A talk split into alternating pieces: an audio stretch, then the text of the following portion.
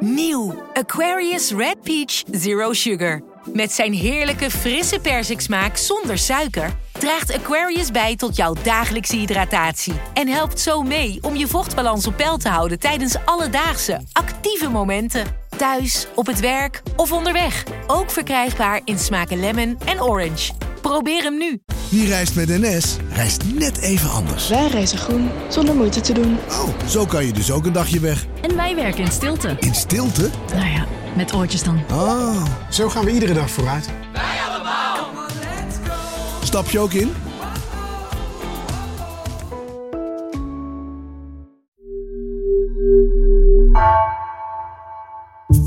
Vanaf de redactie van NRC het verhaal van vandaag. Mijn naam is Egbert Kalsen.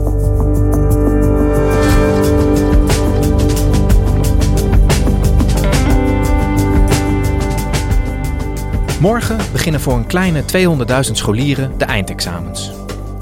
Voor het eerst sinds corona moeten ze die weer op eigen kracht doen. Onderwijsredacteur Patricia Veldhuis staat zelf voor de klas en zij ziet hoeveel leerlingen nog steeds worstelen met de nasleep van de pandemie. Zijn commerciële bijlessen de oplossing?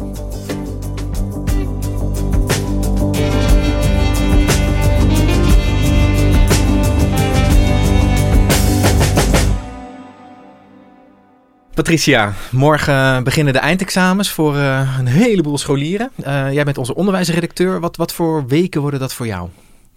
Ja, het zijn altijd vooral hele leuke weken om mee te maken, omdat het echt een hele vrolijke, bijzondere sfeer is op scholen. Uh, je moet je voorstellen dat bijna 200.000 leerlingen op VMBO, HAVO en VWO, die hebben al hele spannende weken achter de rug. Dus dat merk je ook op scholen. ik geef zelf één dag in de week les op een middelbare school. En daar heb je al hele gekke weken gehad dat er eindexamenkandidaten eindexamenspreekuren hebben en extra lessen volgen om zich voor te bereiden.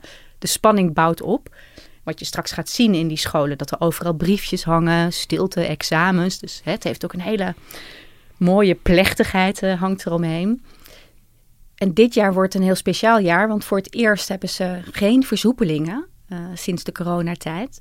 De afgelopen drie jaar hebben we gezien sinds corona dat de eindexamens anders waren dan anders. Met heel extreem het eerste coronajaar 2020. Toen was er gewoon geen eindexamen. Toen heeft de toenmalige minister van Onderwijs, Arie Slop, heeft uh, op een gegeven moment besloten. Uh, het kan gewoon niet. We kunnen niet zoveel leerlingen bij elkaar in die lokalen zetten. Dus we doen geen eindexamens dit jaar. Dus die generatie is geslaagd zonder dat ze examen hebben gedaan. En dat betekende ook dat bijna 100% geslaagd was. En de twee jaar daarna, 2021 en 2022, waren er ruime versoepelingen. Je had een extra herkansing, maar vooral je had de zogeheten duimregeling. Dan mochten leerlingen zelf kiezen, een vak waar ze niet zo goed in waren, waar ze geen zin in hadden, konden ze eigenlijk wegstrepen. Nou, wat, je, wat je zag, uh, normaal gesproken slaagt ongeveer 90 procent. Corona-jaar dus 100 procent. En de jaren daarna, afgelopen twee jaar, zit het ongeveer rond de 95 procent. Dus nog steeds veel meer scholieren dan normaal zijn geslaagd de afgelopen jaren. Ja. En, en dit jaar is het dus weer voor het eerst dat we de pandemie achter ons hebben gelaten. En dat de normale regeling eigenlijk weer van toepassing is op de examens. Uh, nou heb ik zelf twee jongens op de middelbare school. Geen eindexamenkandidaten nog, maar uh, wel op de middelbare. Jij hebt er ook nog één op de middelbare volgens mm -hmm. mij, jij, een kind. Ja. En ik zie wel dat die scholen en die leerlingen trouwens ook heel erg hun best doen. Maar normaal is het nog niet, vind ik hoor. Hoe, hoe zie jij dat? Nee, het is absoluut nog niet normaal. Als je je bedenkt dat bijvoorbeeld uh, een VMBO-leerling, die, die doen eindexamen in de vierde klas, uh, die heeft geen gewoon schooljaar gehad. Hè? Um, die zat in de eerste klas toen corona begon en doet nu eindexamen, terwijl ze gewoon hele periodes lang gewoon letterlijk geen les hebben gehad of online les hebben gehad. Uh, misschien zijn ze zelf ziek geweest of was de leraar ziek scholierenorganisatie LAX uh, heeft hierover aan de bel getrokken bij het ministerie. Van dit kan eigenlijk helemaal niet. Je moet ook dit jaar weer soepeler zijn. En waarom heeft het ministerie er dan toch voor gekozen om die versoepelingen nu te schrappen? Zij zeggen we moeten weer een keer terug naar normaal. We moeten voorkomen dat het diploma ja, wat zij dan zeggen, wordt uitgehold door hè, de eisen stelselmatig uh, naar beneden bij te stellen. Um, dit schooljaar is tot nu toe vrij normaal geweest. Dus laten we ook een normaal eindexamen doen. Ook omdat we niet willen dat uh, werkgevers bijvoorbeeld straks te maken hebben met een generatie die uh, met diploma's op de arbeidsmarkt komt die minder waard zijn in hun ogen. En er is ook flink gelobbyd uh, door hogescholen en universiteiten, omdat zij, zij willen mensen binnen hebben waarvan zij logischerwijs zouden kunnen verwachten dat ze het ook gaan halen, die studie. En zij zeggen ja als leerlingen uh, hier binnenkomen als eerstejaars studenten, die eigenlijk niet goed genoeg zijn om die studie af te maken, ja, dan zakken ze hier alsnog door het ijs. Dat willen we niet. Ja. Op zich is het wel te begrijpen dat je, dat je niet eindeloos zeg maar, de waarde van dat diploma wilt uithollen, hè, zoals jij dat zegt. Maar tegelijkertijd is de grote vraag natuurlijk: is deze generatie eindexamenkandidaten uh, die dat nu moeten doen, zijn die er klaar voor? Ja, dat weten we eigenlijk niet heel precies. Uh, het enige wat we wel weten uit allerlei internationale onderzoeken is dat deze hele generatie, en dat is dus echt internationaal, um, gemiddeld een leerachterstand heeft van een derde schooljaar. Voor de Nederlandse situatie is dat um, berekend op gemiddeld 15 weken. Uh, dus moet je je voorstellen, 15 weken die ze achterlopen in hun kennis. Wat we veel horen op scholen is bijvoorbeeld dat ze basiskennis uh, niet goed beheersen. Spellingsregels. Uh, want je ziet het vooral bij leesonderwijs en bij rekenen, waar de achterstanden groot zijn. Wat wij vooral horen van leraren van middelbare scholen is dat zij zeggen leerlingen hebben veel meer moeite met simpele dingen als zich wat langer concentreren op een tekst. Uh, ze zijn onrustiger, hebben wat minder lange aandachtspannen, zoals iets wordt uitgelegd. En daarvan zeggen zij, ja, dat heeft alles te maken met corona. Ze hebben het niet geleerd.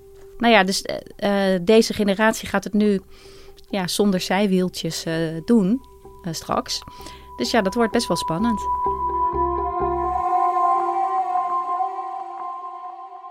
Ja, zonder zijwieltjes zeg jij, dat is een mooie metafoor. Ze moeten het helemaal zelf gaan doen, dus zonder die versoepelingen. Um, hoe, hoe gaan zij dat doen? Is dat gewoon een kwestie van harder studeren dan de generaties voor hen? Hoe, hoe pakken ze dat aan? Nou, uh, wat je de afgelopen jaren ziet, is dat er nog veel meer bijles wordt gegeven dan, uh, dan er al werd gegeven voor corona. Want dat is al een fenomeen dat we de afgelopen 10, 20 jaar enorm hebben zien opkomen in Nederland. Hè? Het zogeheten schaduwonderwijs. Dus het onderwijs dat buiten de muren van de school plaatsvindt. Hè, de bijlesinstituten, de huiswerkinstituten.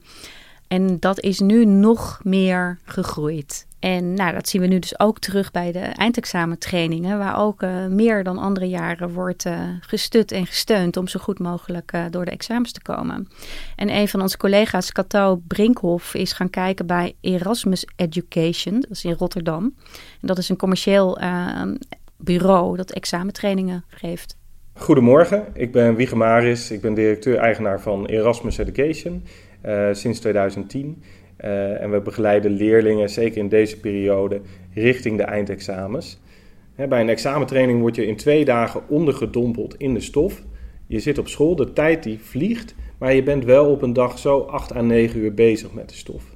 Die trainingsbureaus die bieden allerlei varianten aan. Hè, je kan uh, bijvoorbeeld door Luzak kan je in twee dagen of drie dagen tijd worden klaargestoomd voor je eindexamen VWO. Betaal je 495 euro voor. Je hebt ook partijen die, die zeggen voor, voor 95 euro leer je bij ons in één dag je eindexamen Frans. En een slaaggarantie 100%. Nou, die slaaggarantie is natuurlijk flauwkul. Dat kunnen ze helemaal niet waarmaken. Um, maar je, kunt, je ziet wel dat er een heleboel verschillende aanbieders zijn, steeds meer trouwens, die proberen om ja, een gaantje mee te pikken van de behoefte aan uh, ondersteuning. Ja, het klinkt eh, duur, maar ook wel veelbelovend. Hè? Die garantie, zeg jij al, die kunnen ze niet helemaal waarmaken. Maar het is dus wel zo dat ze echt die leerlingen heel snel klaar proberen te stomen voor het eindexamen. Ja, en, en je kan natuurlijk ook heel veel doen. Hè? De, het punt is alleen wat heel veel scholen al zelf doen. Uh, dat zijn al eigen examenspreekuren of examentrainingen, uh, waarbij gewoon de docent zegt: Nou, kom volgende week naar mijn les en stel de vragen die, uh, die je wilt stellen. En die bureaus doen er een, een, ja, eigenlijk een stapje bovenop. Hè. Dan heb je echt een, een hele dag of twee hele dagen dat je in kleine groepjes heel erg strak door de stof wordt, uh, wordt getrokken eigenlijk. Ja. ja, natuurlijk werkt dat. Ja, want waarom werkt dat?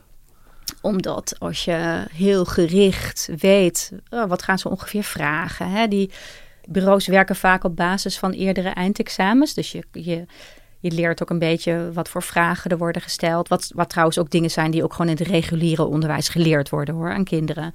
Maar hier gaat dat nog uh, specifieker. Op, dit kan je ongeveer verwachten en dan moet dit ongeveer jouw antwoord zijn. Dus tijdens zo'n examentraining probeer je ook echt leerlingen mee te nemen hoe je stap voor stap de opgave maakt, maar ook hoe je die antwoorden formuleert. En daarbij zien we wel als leerlingen bij ons binnenkomen en van tevoren uh, een oefenexamen hebben gedaan, dat zelf hebben nagekeken en een onvoldoende hebben gescoord, dat ze op het eind van de training, wanneer ze weer een oefenexamen maken, vaak veel betere cijfers hebben. Uh, dus ja, dat, dat, dat werkt natuurlijk wel. Dat is wat ze een beetje teaching to the test uh, noemen. Hè? Ja. Um, het, het, blijft wel gek dat dat voornamelijk, of in ieder geval voor een groot deel van die commerciële bureaus zijn hè, die dit doen. Uh, dus waar je veel geld voor moet betalen om, om mm -hmm. zeg maar een beter eindexamenresultaat te krijgen. Want het was toch ook zo dat het ministerie van Onderwijs een hele hoop geld geïnvesteerd heeft. Juist om die corona-achterstanden op te lossen. Ja, ja, dat klopt. Wat jij bedoelt, uh, dat is de 8,5 miljard van het NPO-geld. dat is het Nationaal Programma Onderwijs. En dat geld is verdeeld over alle scholen. Uh, om te zorgen dat ze bijvoorbeeld bijlessen gingen aanbieden op het moment dat ze ergens achterstanden signaleren. Het punt is alleen, uh, we hadden al een lerarentekort en dat werd hierdoor alleen maar groter. Uh, scholen hadden nu wel geld, maar geen mensen om die bijlessen te geven. Dus dat is eigenlijk, ja, heel kort gezegd, was dat een beetje het wrangen van die NPO-gelden. Waar halen we dan die mensen vandaan om bijles te geven? Nou ja, daar sprongen die commerciële bureaus natuurlijk heel gretig op in. Wat je zag op een gegeven moment is dat uh, best veel scholen ook hebben besloten van ja, we hebben zelf niet de mensen om bijlessen te geven of huiswerkklasjes te begeleiden. Dus die hebben zelf ook uh, zeg maar commerciële partijen naar de school gehaald. Soms zelfs letterlijk uh, dat een huiswerkinstituut of een bijlesbureau een klaslokaal heeft in een school. Elke leerling die kan bijvoorbeeld één of twee examentrainingen volgen, terwijl vroeger het meer gefaciliteerd werd en er een eigen bijdrage voor leerlingen was. Uh, dus vroeger moest je met school uh, een afspraak maken voor de leerlingen die het niet zelf konden bekostigen. En nu met de NPO-gelden is het fijn dat het voor elke leerling van de school mogelijk is om mee te gaan in die extra lessen. En dat bevordert natuurlijk de kansengelijkheid binnen een school. Als, als scholen het op die manier doen, als scholen op deze manier extra hulp inkopen, dan bieden ze het wel gratis aan voor hun leerlingen, maar betalen ze zelf wel de marktprijs. Ja, uh, want misschien is het goed om daar even op in te zoomen. Wat, wat ja. voor soort bedrijfjes zijn die commerciële bijles- en examentrainingsbureaus? Wat, wat, wat moet je kunnen om zo'n bedrijfje te mogen starten? Uh, ja, wat moet je kunnen? Ja, in, in principe kan ik een bordje op mijn deur hangen. Uh, Patricia Veldhuis, bijlesbureau of huiswerkinstituut. Hè, het, is, het is niet een beschermd uh, uh, vak of beroep. Want je hebt natuurlijk ook altijd uh, studenten die zichzelf aanbieden om bijles te geven wiskunde of zo, of Nederlands. Hè. En daar is ook helemaal niks mis mee trouwens. Hè. Dat is helemaal mm-hmm. prima. het punt is wel dat de kwaliteit niet heel erg gecontroleerd wordt. Want waar het reguliere onderwijs, hè, dan heb je de onderwijsinspectie die kijkt, hey, worden alle boxjes aangevinkt? Doen ze wat wij vinden dat belangrijk is in de klas? Hier geldt dat niet. En dat de kwaliteit daardoor heel erg uiteenloopt. En, en wat betekent het nou voor het, voor het onderwijs in het algemeen dat er zoveel gebruik wordt gemaakt van die commerciële bijlesinstellingen?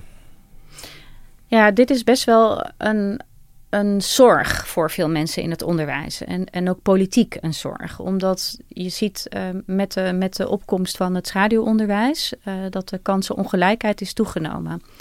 Want ja, heel simpel. Als jij het kan betalen als ouder en als je ook de weg weet en belang hecht aan een goede opleiding.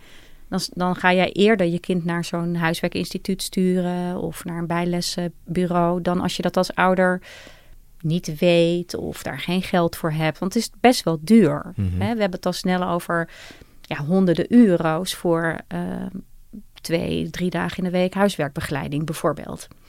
Dus dat heeft niet iedereen. Uh, dat, hè, dat betekent dus dat er een soort scheefgroei komt van een groep kinderen die, die veel meer extra meekrijgt uh, in het pakket dan een groep kinderen die dat niet krijgt. Nee, want dat, dat onderwijs zou zeg maar juist iedereen een gelijke kans moeten, moeten bieden om een, Ja. een, een gelijke start in het leven te kunnen hebben. Exact, onderwijs als de, ja, als, als de grote gelijkmaker. Ja. Ja, en, en dat is, daar is wel een beetje eh, zand in gestrooid in die machine. Ja, en dat kan je die bedrijven op zich niet kwalijk nemen. En die Nee. ouders misschien ook niet die dat zich kunnen veroorloven. Nee, want het is gewoon eh, vragen schept aanbod. Ja. En het is ook wel echt iets om voor de toekomst rekening mee te houden. Want dit geld, deze 8,5 miljard, is een tijdelijk bedrag. Hè, dat is één keer over de markt uitgestort. Zo, ze mogen er een aantal jaar over doen om het uit te geven. Maar op een gegeven moment is het natuurlijk gewoon op. Dus ja, hoe scholen dan gaan zorgen dat iedereen die het nodig heeft bijles heeft, is ja, nog een groot vraagteken. Hey, en wat wordt er dan gedaan om, om die kansenongelijkheid in het onderwijs eh, op te lossen? Ik bedoel, we zien deze trend Ja. eh, en dat wil je niet, zeg jij. Wat wordt, Ja. Hoe, hoe Ja. los je dat op? Wat je zag eh, bij het aantreden van dit kabinet is dat ze ehm, zich heel druk maken over kansengelijkheid. Hè? Dat was een woord dat echt super veel voorkwam in hun eerste plannen. Dus bijvoorbeeld minister Dennis Wiersma van basis- en voortgezet onderwijs. Eh, die wil hier ook echt iets tegen doen. Dat heeft hij ook al een aan- aantal keer tegen mij en mijn collega Frederik Weda gezegd in een interview. Hij wil eh, die bijlesbureaus eh, ja, eigenlijk aanpakken en zorgen dat ze de goede kwaliteit leveren, maar ook voorkomen dat deze markt nog verder groeit. Ehm, en ook voorkomen dat er ongelijkheid groeit. En hij wil bijvoorbeeld dat scholen geen reclame meer mogen maken voor commerciële instituten. Want dat was soms een beetje de ja, best wel gekke situatie ook. Jij gaat met je kind eh, een school bezoeken om te kijken of die school iets voor jouw kind is. En op die, ja, op die voorlichtingsdag worden jouw folders in handen gestopt van een bijlesinstituut of een huiswerkbegeleidingsbureau. Ja, daarvan zegt eh, Weersma, ja, dat, dat moeten we echt gaan stoppen. Wat een onzin. Dit moeten scholen gewoon zelf gaan doen. En als je al bijles nodig hebt, dan moet dat voor ieder kind toegankelijk zijn. Ja. Ongeacht de portemonnee van de ouders. Dus die kwaliteit van het, van het algemene onderwijs moet eigenlijk zo ver omhoog Ja. dat je die bijlessen niet per se meer nodig hebt. Ja, ja, precies. En tegelijkertijd, je gaat het nooit eh, naar nul terugbrengen. En dat hoeft natuurlijk ook niet eh, per se. Eh, tegelijkertijd wil hij ook zorgen dat de kwaliteit van die commerciële bureaus hoger is. Of in elk geval gegarandeerd is. En dat, dat is een hele lastige discussie. Hè? Ga je ze dan mee laten draaien in, in de onderwijsinspectierondes bijvoorbeeld? Nou, ik denk niet dat dat een optie is. Maar een van de kleinere dingen om aan te draaien is dat hij gaat bijvoorbeeld van ze vragen dat ze een eh, VOG, een verklaring omtrent gedrag, eh, moeten hebben. Zodat je niet al te gekke beunhazen op die markt krijgt. Ja. Dus het, het- het- het- er wordt wat aan gedaan, of tenminste er wordt nagedacht over hoe je die kansenongelijkheid eh, zeg maar weer kunt stoppen. Tegelijkertijd, we constateerden net ook al dat voor de huidige generatie eindexamenkandidaten juist die bijlessen wel eens het verschil zouden kunnen, kunnen gaan maken hè, voor deze ronde eindexamens. Wat, wat, wat zijn wat dat betreft de verwachtingen hoe deze lichting het zal gaan doen de komende weken? Ja, ik denk dat er heel wat eh, beleidsmakers zijn die heel benieuwd zijn naar, eh, naar, naar de resultaten. En ik zelf eerlijk gezegd ook. Ehm, we weten dat eh, vorig schooljaar dat er meer zittenblijvers eh, waren. eh, in, in zeg maar het, het voorexamenjaar. Dus 4 HAVO, 5 VWO, eh 3 VMBO. Dat zijn natuurlijk altijd al de beruchte zittenblijfjaren. Hè? Want daar filter je eigenlijk de leerlingen er al uit waarvan je verwacht dat ze het niet zullen halen anders. En omdat dat er meer waren vorig jaar, zou je kunnen verwachten dat daardoor de eindexamenresultaten misschien wel zullen meevallen. De mensen die nu eindexamen doen, dat is al een hele scherpe dat is selectie. al een scherpere Ja. selectie.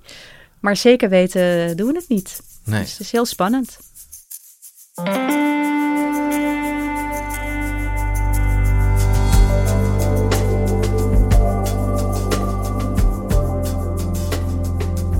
Je luisterde naar vandaag, een podcast van NRC.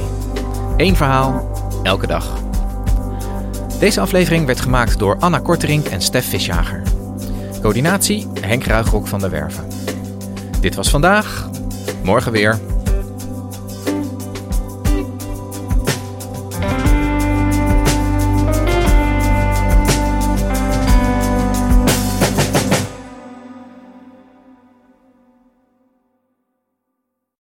De financiële markten zijn veranderd, maar de toekomst, die staat vast. We zijn in transitie naar een klimaatneutrale economie. Dit biedt een van de grootste investeringskansen van onze generatie. Een kans voor u om mee te groeien met de pioniers van morgen. Meer weten? Ga naar carbonequity.com. Carbon Equity. Do good by investing better.